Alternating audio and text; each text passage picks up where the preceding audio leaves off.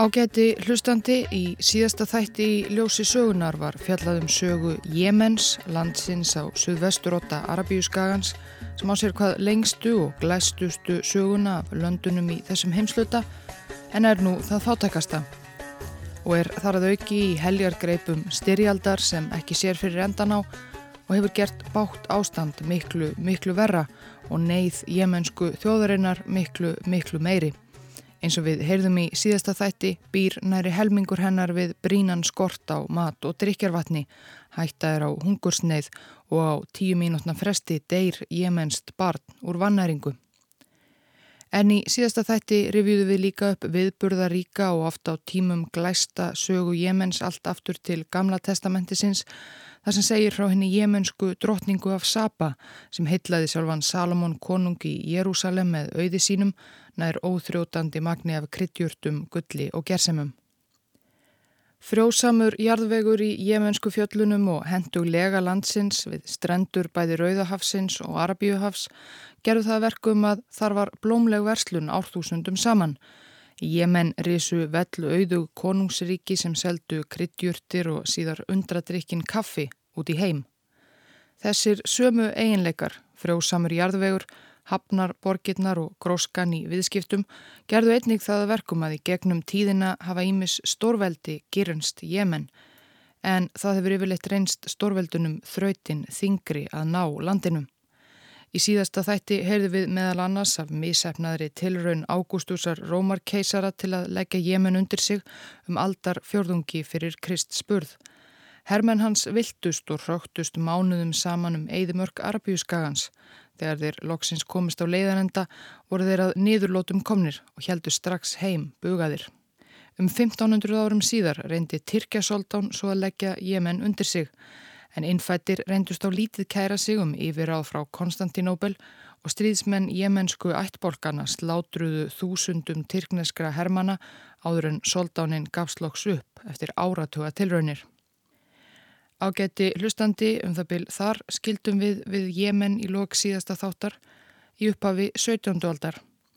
Jemenar fengu svo að vera að mestu í friði næstu tvær aldeirnar eða svo en kannski var friðurinn ekki endilega til góðs.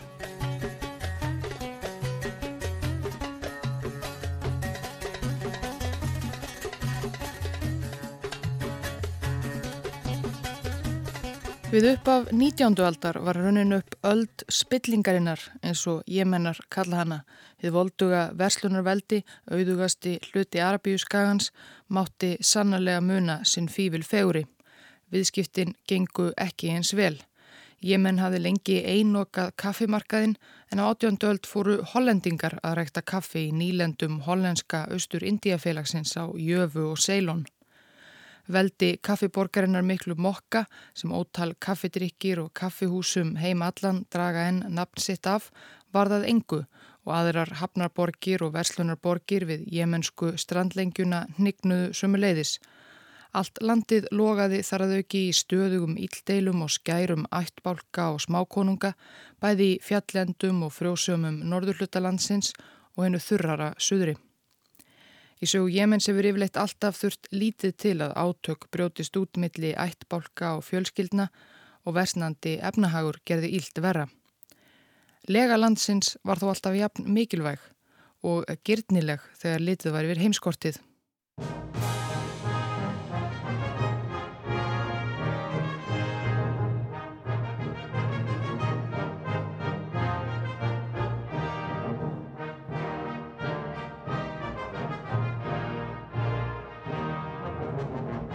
Þann 19. janúar 1839 fór breskur kafteitnanafni Stafford Bettisworth Haynes fyrir flota fjögura herskipa sem sildu til borgarnar Aten á suðuströnd Jemen um 170 km austur af Tárahliðinu, svo kallaða sundinu þraunga millir Rauðahafsins og Arabíuhafs. Já, það var varðla hægt að kalla Aten borg á þessum tíma reyndar.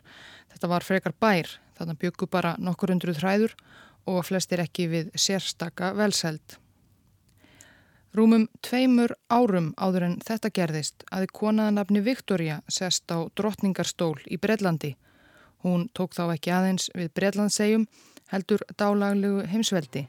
en breska heimsveldið átti svo eftir að stækka mikið, breyða úr sér yfir heiminn og ná hápunti sínum á valdatíð tjæðrar Viktoríum.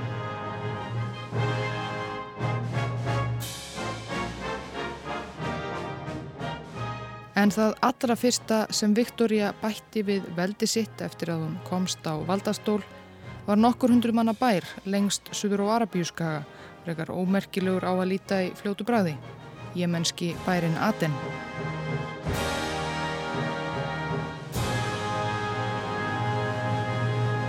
En það var þó alls ekki af handahófi sem Viktoria eða landvinningameistarar hennar heima í Lundunum gyrntust einmitt Aten. Aten á sér óralanga sögu og hafði þegar þarna var komið sögu verið við hlið kaffiborgarinnar Mokka ein af helstu hafnarborgum Jemens um aldir og jáfnveil árþúsund. En það stendur Aten við afbræðskott hafnarstæði af náttúrunar hendi. Líkt og Mokka hafði Aten sem átt muna sinn fývil feguri en í augum breskra heimsvalda sinna og kaupsíslumanna var bærin enguða síður enn ómótstæðilegur. Bærin var einmitt á siglingaleiðinni frá Breitlandi til þess sem var demandurinn í krúnu drotningarinnar, nýlendu breyta á Indlandi. Og einmitt um þetta leiti var breska Austur-Indíafélagið að taka í nótkunn nýja tækni, gufuskip. Þau komust hratt yfir en á langri siglingaleðinni til Indlands þurftu þau að fylla á kólabyrðir sínar og Aten var einmitt rétti staðurinn fyrir kólabyrðastöð fyrir nýju bresku gufuskipin. Það þurfti ekki mikið til að leggja Aten undir Viktoríu. Þann 19. janúar 1839 skipaði breski kafteitnin Stafford Bettisworth Haynes skipum sínum fjórum sem öruðu úti fyrir höfninni í Aten að skjóta úr fallbissum sínum yfir bæinn. Það þurfti ekki nema nokkrar hrinur til að sannfæra smá soldáninn á svæðinu um að fela þessu framandi heimsveldi yfiráð yfir veldi sínu, bænum Aten og hans næsta nágræni. Soldáninn var auðvitað til neittur. Einn smá soldán hafði lítið róð við sjálfum breska heimsveldishernum.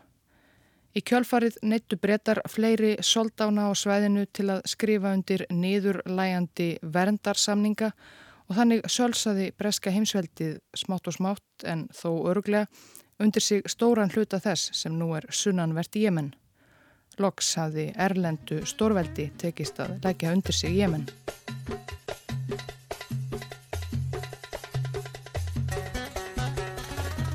Aten var alltaf þungamiðja bresku nýlendunar í Jemen. Þaðan var fljótt stöðug umferð skipa til og frá Bombay og Lundunum og fleiri indverskum og breskum borgum. Hagur borgarinnar vangaðist svo gríðarlega 1869 þegar lokið var við gerð skipaskurðar sem tengdi Midjarðarhaf og Rauðahafið kentan við bæin Suez í Egiptalandi. Þá varð Aten enn meira í alfara siglingaleið. Viðskiptin blómstruðu á nýjanleik og fólk streymdi til breska Aten hvaðan æf að til að freysta gefinar. Víða aður Jemen og frá Indlandi, Östur Afríku, Breitlandi og öðrum Evróplöndum.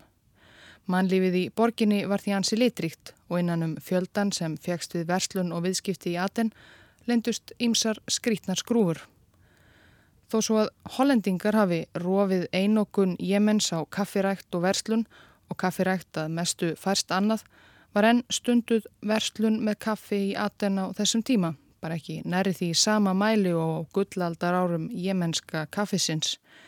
En í kaffibransanum í Aten á ofanverðri 19. öld mátti einmitt finna eina af þessum skrítnu skrúfum sem virtust sækja í fjölmenningarsamfélagið í Aten. Hann var bara 26 ára þegar hann kom til Aten í fyrsta sinn árið 1880 og átti þá þegar að baki nokkur ára flandur um bæði Östurlönd og Evrópu. En hlustendur kannast á nefa enn frekar við kauða vegna þess sem hann fegst við enn fyrr Þegar hann á táningsaldri hafði hleyft bókmæntaheiminum í heimalandi sínu Fraklandi í loft upp, bæði með djörfum og byltingarkendum ljóðum sínum og sjokkerandi og stormasömu lífverðni. Því aðkomaðurinn ungi í Aten 1880 var engin annar en skáldið Arthur Rambo sem hafði lagt skáldskapin á hilluna aðeins rétt rúmlega tvítugur og lagst í ferðalögum heiminn og þannig lág leið hans til Aten. Þar kom Rambo sér fyrir í stóru margrahæða fjölbílishúsi sem Síðast þegar umsunumæður þessa þáttarvissi stendur enn í borginni þó það kunni að hafa orðið breyting á því nú eftir að stríðið brast út. Og hann hóf störf hjá frönsku fyrirtæki sem verslaði aðalega með kaffi. Rambó vildi vist sem minnst tala um fortið sína, jável eftir að það spurðist út meðal frönsku kaupmannana að ungi samstagsmaður þeirra væri allræmdur meðal ljóðskálda og bókmenta unnenda heima í gamla landinu. En hann reyndist kaffisölumadur af Guðus náð og gekk vel í starfi. Þó að sjálfur hafa hann reyndar kvartað í brefum til ættinga sinna heima í Fraklandi. Hann var hættur að yrkja en bref skrifaði hann enn. Á hann þætti starfið illa borgað, sérstaklega miðað við að hann væri lang besti starfsmæður fyrirtækisins, fullirti hann.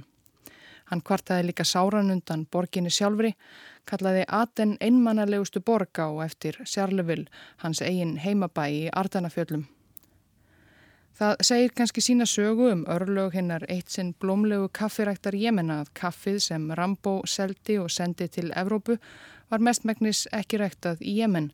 Hann seldi aðalega ethiopíst kaffi. Mörgum öldum fyrr höfðu Jemenar kynst viltri kaffiplöntunni í gegnum ethiopíska hyrðingja og orðið fyrsta þjóðin til að hefja skipulaða kaffirækt. Nú höfðu Jemenar glotrað niður kaffiræktinni en Eþjópíumenn voru farnir að rækta kaffiblönduna sína sjálfur. Artjúr Rambó var meðal þeirra allra fyrstu sem seldu eþjópísk kaffi til Evrópu. Eftir nokkur ári í Aten flutti skaldið sig yfir Rauðahafið á Árabót og setti staðum tíma í fornu borginni Harar í Eþjópíu. Þar var þann fyrsti versturlandabúin sem stundaði viðskipti og líklega bara þriðji Evrópumadurinn sem heimsótti borgina. En þetta er allt saman önnur saga.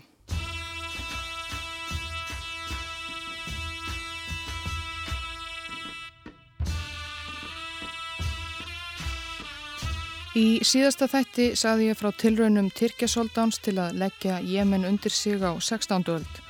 Er tilraunir sem urðu allmarkar, enduði yfirleitt með ósköpum og miklu mannfalli Tyrkja sem á endanum fóru að kalla Jemen bræðsluopn fyrir tyrkneska hermen. Enda gáðist Tyrkir á endanum upp í byrjun 17. aldar eftir að hafa reynd áratugum saman að leggja Jemen undir sig en umsvið breyta í Jemen gerðu það verkum að Tyrkir fóru aftur að gyrtnasta landið meira en tveimur öldum síðar. Þó svo að soldánarnir í Istanbul hefðu sætt sig við að lifa án Jemens, gekk það auðvitað alls ekki að hafa breyta þarna vaðandi upp um alla veggi. Því ákáðu ráðamenni í Istanbul að senda hermenn sína aftur inn í bræðsluofnin á sunnanverðum Arabíuskaganum. Þeir mættu ekki láta breyta leggja undir sig öll Östurlund eins og næstum var útlitt fyrir að yrði.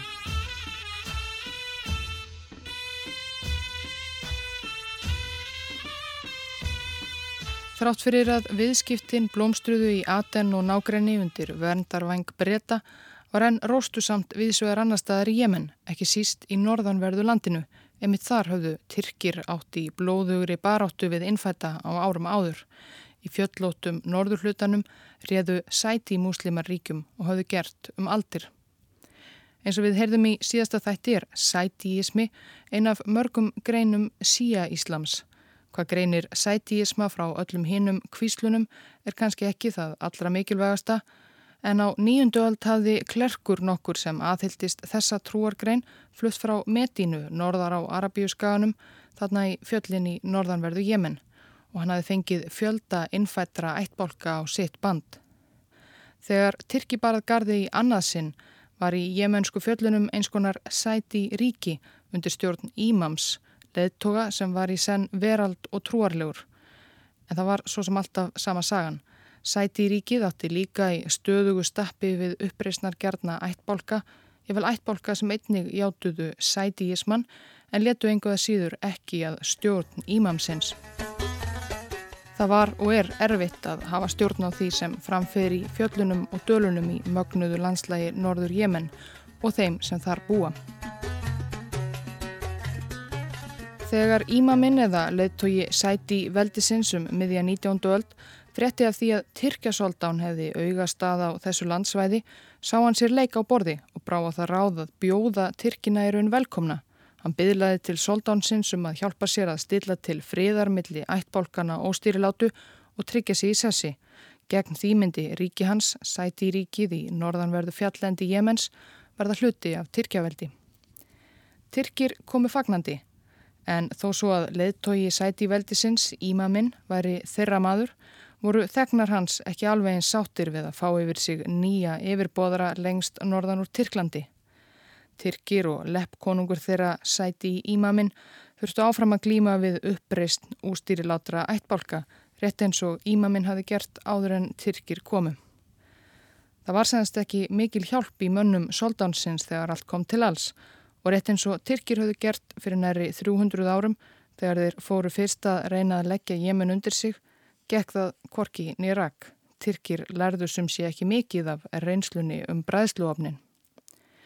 Tyrkir heldu áfram að reyna brjóta Jemena í norðurhluta landsins undir sig næstu áratögina yfirleitt með jafn litlum árangri. Kanski ekki að undra að þeim hafi gengið nokkuð verð en breytum gekk í suðrinu. En það var þetta ævaforna stórveldi þegar þarna var komið sögu ekki aðeins orðið aldur nýið heldur líka veikburða og í raun alls ekki líklegt til stóræða. Veiki maðurinn í Evrópu eins og aðrar Evrópuþjóðir voru farnar að segja strax um miðja 19. öld. En sjúklingurinn held þó alltaf áfram að reyna. Allt fram að lokum 19. aldar og fram á þá næstu.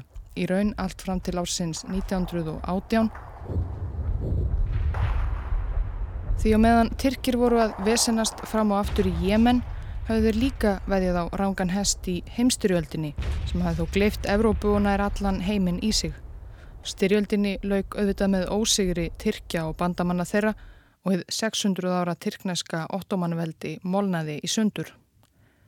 Einn af mólunum sem kvörnuðust úr Tyrkjaveldi fljótlega eftir stríðslokk var Norður Jemen eða Konungsríkið Jemen eins og það hétt þegar það lísti yfir sjálfstæði frá Tyrkjaveldi 30. oktober 1918. Yfir konungsríkinu trónaði einn sæti í ímaminn. Jahja Mohamed Hamid Eddin hétt hann og vildi helst láta ávarpa sig sem leðtoga hinn að trúuðu, prins, réttrúaðra, sá sem tristir drottni mistara alheimsins og svo framvegis. Honum tókst að fá marga ættborga leðtoga á sitt band og gatt hann styrt tilkatt sitt til þess að vera konungur Jemens, já allavega þess hluta landsins þarna í norðri sem brettar áttu ekki.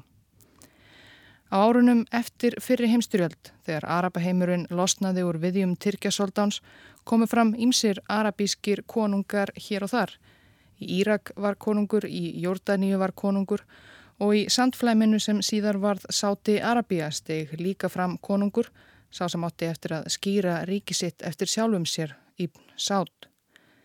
Á árunum eftir stríðáttu konungarnir í þessum grannríkjum, Jemen og Sáti Arabíu, í smávegis stríði um hvar nákvæmlega í sandöðuninni landamæri konungsríkjana ættu að leggja. Það var svo útkljáð eftir nokkrar skærur og nokkurt mannfall, en Sáti Arabíu hefur aldrei geta látið Jemen alveg í friði síðan. Ekki síst eftir að Sáti Arabíu fór að auðgast ólýsanlega í kjölfarið á ólíufundi í sandöðuninni 1938 og valdamenn þar hafa eiginlega æg síðan geta gert hvað sem þeim sínist en Jemen að samaskapi fjall í grifju örbyrðar.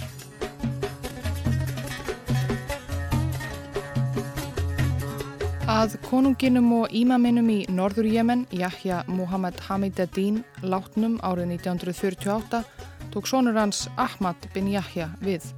Sá var ömulugur og spiltur harðstjóri sem stjórnaði að hætti verstu einræðisherra miðausturlenskrar sögu. Það er Hann kúaði þjóð sína á arðrændi eftir eigin gethóta að meðan hann sjálfur kom sér upp einhverju mesta rakspýrasafni sem sérst hefur á Arabíuskaga og þó víðar væri leitað og eitti peningum alþýðunar vilt og galið í aðræðins vittlesu. Haustið 1962 lést Ahmad bin Yahya, sjötugur og gíktveikur og morfinsjúkur frá öllum rakspýraflöskunum sínum og auðvitað tók þá sonur hans, Muhammad al-Badr, við konungstillinum. Hann var ekki minni servitringur en fadrin og í þá daga vakti fjarlæga Jemen kannski helst aðtikli erlendra fjölmiðla fyrir serviskulegu uppóttæki konungsins og sonarans, kannski svipað og er með Turkmenistan og annur framandi asísk einræðisríki nú. Til að mynda árið 1950 hafðu þeir feðgar Ahmad bin Yahya konungur og Muhammad al-Badr krónprins gift sig samtímis.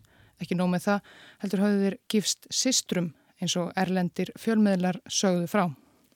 Og svo framvegis, sonurinn hefði eflaust geta haldið áfram að ræna og ruppla og ruggla í anda föður síns ef ekki hefðu þarna þegar hann tók við árið 1962 blásið nýjir vindar um Arabaheimin. Einum tíu árum áður í júli 1952 höfðu ungir herfóringjar tekið völdin í fjölmennasta og fyrirferðamesta ríki þessa heimsluta Egiptalandi. Fyrir herfóringunum fór sá sem hér talar en áhrifamikli Gamal Abdul Nasser og honum tókst á skömmum tíma að hrífa með sér ungt og framsýnt fólkum gervallan hinn arabísku mælandi heim með hugssjónum sínum um sameinaðan Arabaheim undir merkjum sósialismans. Ekki síst voru það aðrir ungir herfóringjar og hermenn sem hrifust af kollega sínum í Kæró og þessum árum voru valdarán eða valdaránstilröynir hermanna sem aðhyldust samarabíska þjóðurnistefnu, sósialisma, nasserisma, eitthvað þessu líkt, svo gott sem daglegt brauð í mörgum arabalöndum eða því sem næst.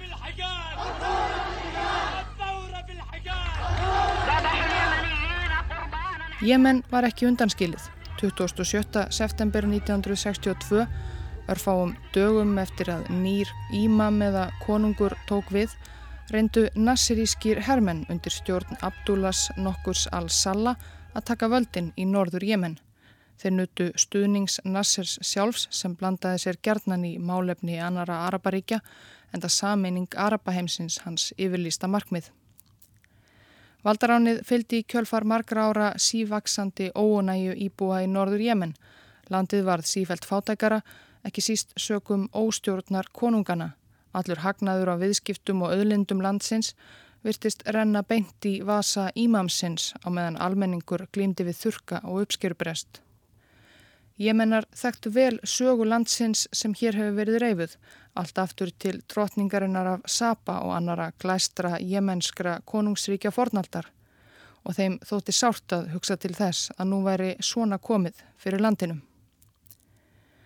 En valdaránið gekk ekki betur en svo þó að Salal og félögum hefði tekist að rekja Muhammed al-Badr konung frá höfuborginni Sana og lýsa yfir stopnun líðveldis í stað konungsveldis þá slapp konungurinn yfir sandana yfir til Sáti Arabíu. Þar veittu sátar honum skjól og meira en það stuðning til að skipuleggja gagnárás gegn valdaránsmönnum. Sátar vildi jú meina að þeir væru hinnir réttmættu leðtúar Arabaheimsins í krafti trúveldisins, Mekku og Medínu en ekki Nasser með sinn sósélismann.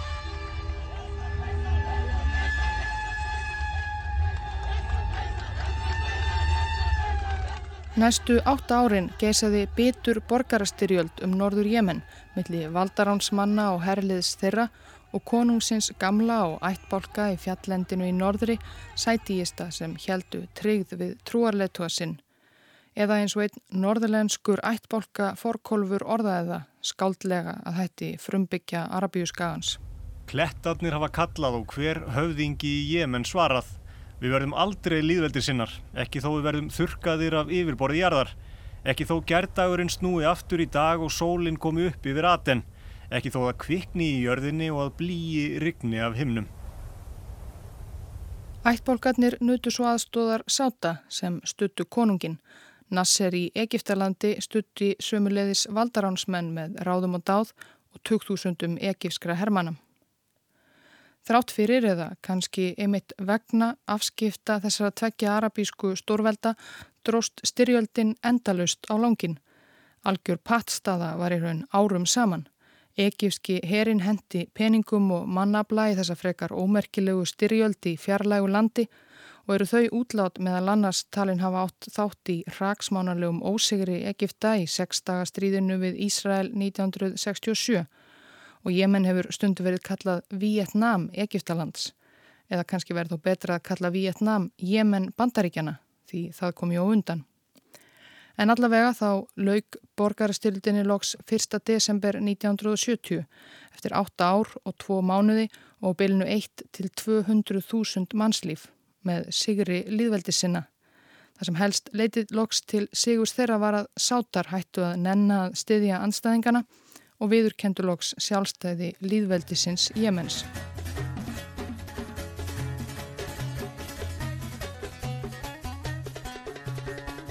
Bökkum aðeins og förum yfir í annað stríð, setni heimstyrjöld. Bretar settu þá upp herstuð í Aten og til borgarinnar stremdu enn fleiri bretar og evrópumenn og indverjar svo að íbúa fjöldi borgarinnar næri tvöfaldaðist á stríðsárunum og fólks fjölgunin helt áfram á árunum eftir stríð.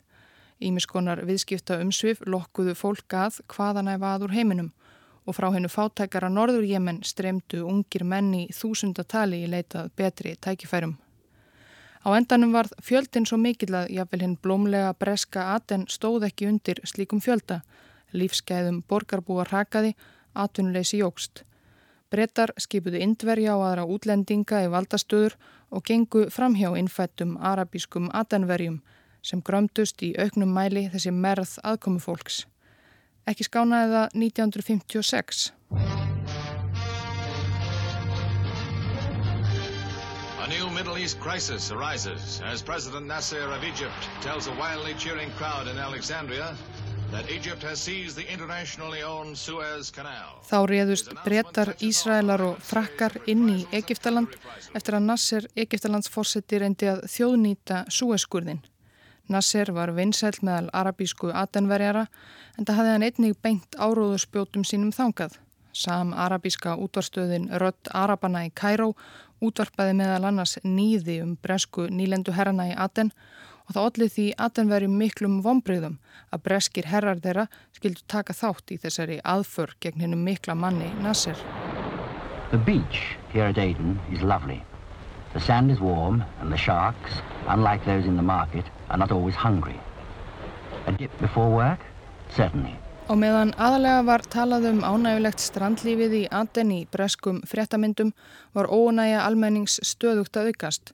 Ættbolkaleið tógar á breska yfiráðasvæðinu byrjuði að rotta sig saman um mótmæli og andof. Stríðið í norðurhlutanum varð svo loks til þess að það sögð upp úr.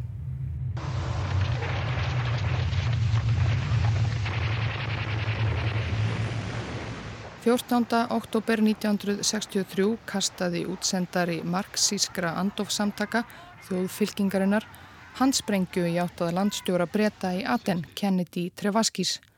Aðstofamæður hans bjargaði lífi hans með því að stökva fyrir sprengjuna og hann var sá eini sem let lífið í árásinni. En handsprengju árásin var til þess að neyðar ástandi var líst yfir í Aten og þangað sendt auka herlið til að halda friðin. En spennan magnaðist bara og aðgerðir þjóðfylkingarinnar og fleiri uppreysnarhópa sömu leiðis. Þeir réðust reglulega á breska hermenn og emdu til óerða allt þar til í november 1967 að brettar sáu sig knúna til að yfirgefa nýlendu sína í Jemen. Suður Jemen var þá einnig sjálfstætt ríki, sjálfstætt kommunistaríki því marxísku skæruliðarnir sem hafðu leitt baráttuna gegn brettum komist nú til valda alþýðu líðveldið Jemen var fætt.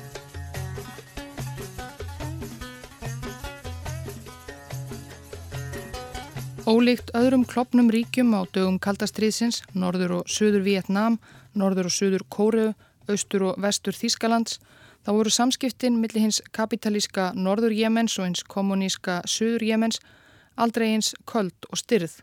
Jú, það brutust út einhver átök árið 1972 en þeim lauk með fríðarviðræðum og það lág alltaf einhvern veginn í loftinu og á endanum myndu þessi tvö jemensku ríki sameinast í eitt. Úr því varð svo loksins 1990. Þá höfðu sunnan menn mist sinn öflugasta bakkjarl Sovjetiríkin og ólíja hafði fundist emitt í landamærahjörðunum svo það var í begja ríkja hagað sameinast til að vinna svartagullið saman úr sandinum. 22. mæ 1990 skrifuðu leðtógar Norður og Suður Jemen undir samningum sammenningu ríkjana í eitt stort Jemen sem eini helt bæði hálendið í norðri, hafnaborgirnar við Rauða og Arabíuhaf og söndugt Suðri.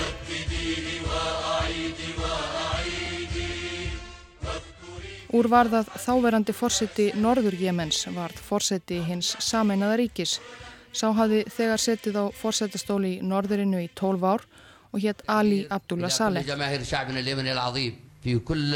Saleh þessi var ekki af merkilegum ættum. Almúa Piltur úr Sveitaþorpi suðaustur af höfuborginni Sana en hann hafði risið til aðstu metorða í gegnum herin. byrjaði á því að styðja valdarán herfóringjana kollega sinna sem steiftu ímaminum í norður Jemen af stóli og risið svo herra og herra í borgarastyrjöldin sem fyldi þar til hann var loks skipaður fórseti norður Jemens 1978.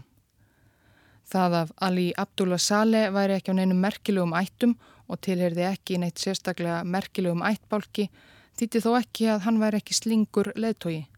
Stjórnunarstíl hans hefur verið líkt við mafjufóringja Hann hófst strax handa við að raða í valdastöður í kringum sig vinum sínum og ættmennum, fólki sem hann vissi að hann geti reitt sig á, sama hvað átt inni.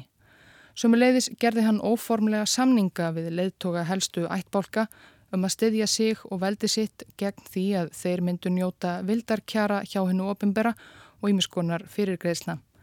Þetta stundaði hann bæði sem fórseti Norður Jemens frá 1978 og svo frá 1990 sem fórseti sameinaðs Jemens. Ágæti hlustandi, nú á dögum eru við eflust orðin ansi vön því að heyra sögur af einræðisherrum og kúrum í löndunum sem teljast til miðausturlanda. Hver af öðrum hafa þeir beitt einmitt þessum aðferðum sem hér var líst til að sölsa undir sig allræðisvöld og græða á tá og fingri á kostnað þjóðasina. Þetta er kunnuleg saga. En Ali Abdullah Saleh er ekki alveg þessi hefðbundni miðausturlenski innræðisherra því að hann skákaði þeim flestum, í flestu, í kúun og spillingu og ekki síst í arðaráni.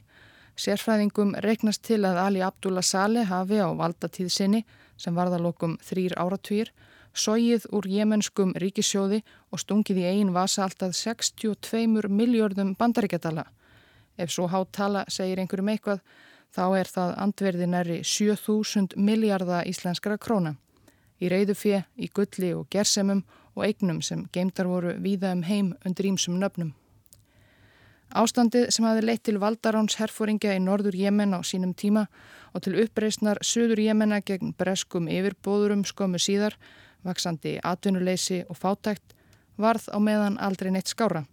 Það varð bara miklu verra því allur auður þjóðarinnar kvarf ofan í botlausa vasana á Ali Abdullah Saleh og ættingum hans og vinum.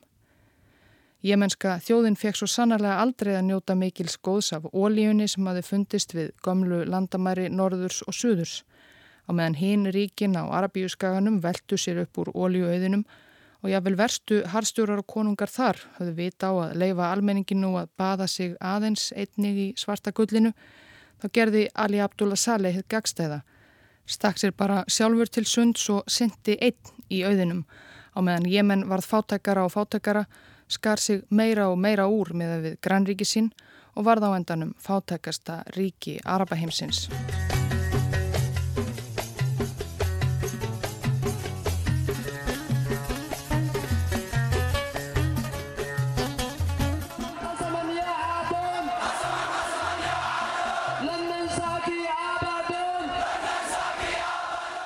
Í viðjum fátæktar og spillingar helst Jemen allt fram til ársins 2011. Þá brutust út mótmæli gegn stjórn Sales á götum jemenskra borga, rétt eins og Egiptar höfðu mótmælt Mubarak, Líbíumenn Gaddafi, Sýrlendingar, Assad og svo framvegis, arabíska vorið. Mótmælin sóttu fljótt í sig veðrið og Sale misti stuðningsinn. Á endanum greipu grannþjóðir Jemens á arabíuskaganum undir fórustu Sáta inn í Samið var um að Sali eftir 33 ár sem fórseti færi frá og unnið væri að líðræðisumbótum í þessu fátækka landi. Varafórseti Sales Abdrabu Mansur Hati tók við aðstæðanbætti Jemens. Salei yfirgaf landið og fór yfir til Sáti Arabíu. En rétt eins og gamli ímaminn eða konungur Norður Jemens hafði flúið valdar án herfóringja til Sáti Arabíu en sapnað þar liði á sínum tíma, þá var Sale heldur ekki á baki dottin. Í síðasta þætti saði ég frá húti fylkingunni, uppreysnamönunum sem bera mikla ábyrðað á því hvernig fyrir er komið Jemen nú. Húti líðar eru sæti múslimar úr fjöllum Norður Jemens sem kenna sig við áhrifamikinn Klerk sem var myrtur af stjórn Sales árið 2004 fyrir að kvetja til mótmæla. Þrátt fyrir að stjórnarskipti erðu í kjölfar hins svo kallaða arabíska vors vildu hútiliðar halda áfram að láta til sín taka og árið 2014 þá voru þrjú ár liðin frá vorinu en hálgert ófremdar ástandi í Jemen og bólaði lítið á lofuðum líðræðisumbótum, réðust uppreysna mennir inn í höfuðborgina Sana og tóku hana yfir með hennar undraverðum árangri og hraða. Hati fórseti rökklaðist með föruneyti sitt til hafnarborgarinnar Aten sem hann gerði að annari höfuborg. Þennan árangur máttu hútiliðar kannski ekki síst þakka stuðningi valdamikils manns sem hútti í Sáti Arabíu en liði þeim stuðningi formi liðsabla, vopna og fjármangs. Það var Ali Abdullah Saleh. Rétt eins og gamli ímaminn í norður Jemen hafi gert 1962 tók hann höndum saman við Sætija í fjöllunum í norðri, húti í fylkinguna. Hútar höfðu að vísu hafið baróttu sína einmitt gegn stjórn Sales en þegar þarna var komið sögu veriðist það hafa verið þeim ofar í huga að komast sjálfur til valda heldur en einmitt að losa þjóð sína undan okki harðstjóra. Altjent viluði þeir ekki fyrir sér að hefja samstarfið andstæðing sinn gamla sem sá sér þarna leika á borði að losna við hati fórsetta andstæðing sinn og fyrrum varafórsetta og komast aftur að jemönsku kjötköllunum. Sale er nú snúin aftur til Sana, annarar af tveimur höfuborgum Jemensum þessar mundir og meðan stríðið geysar við svegarum landið hefur hann meðal annars stunda sér við að stopna sapn um sjálfan sig. Þar gefur meðal annars á að líta tættar og brendar buksur sem Sale var í þegar tilhörum var gerðað ráða hann af dögum í miðju arabíska vorinu. Svo allar þær gjafir, djástn og dýrmæti sem hann þáði að gjöf frá öðrum álíka spiltum og siðlausum einræðisherrum og konungum á 33 ára valdatíð sinni, gós sem hann raðaði í kringum sig á meðan jemenskur almenningur svalt og hann sveltur enn.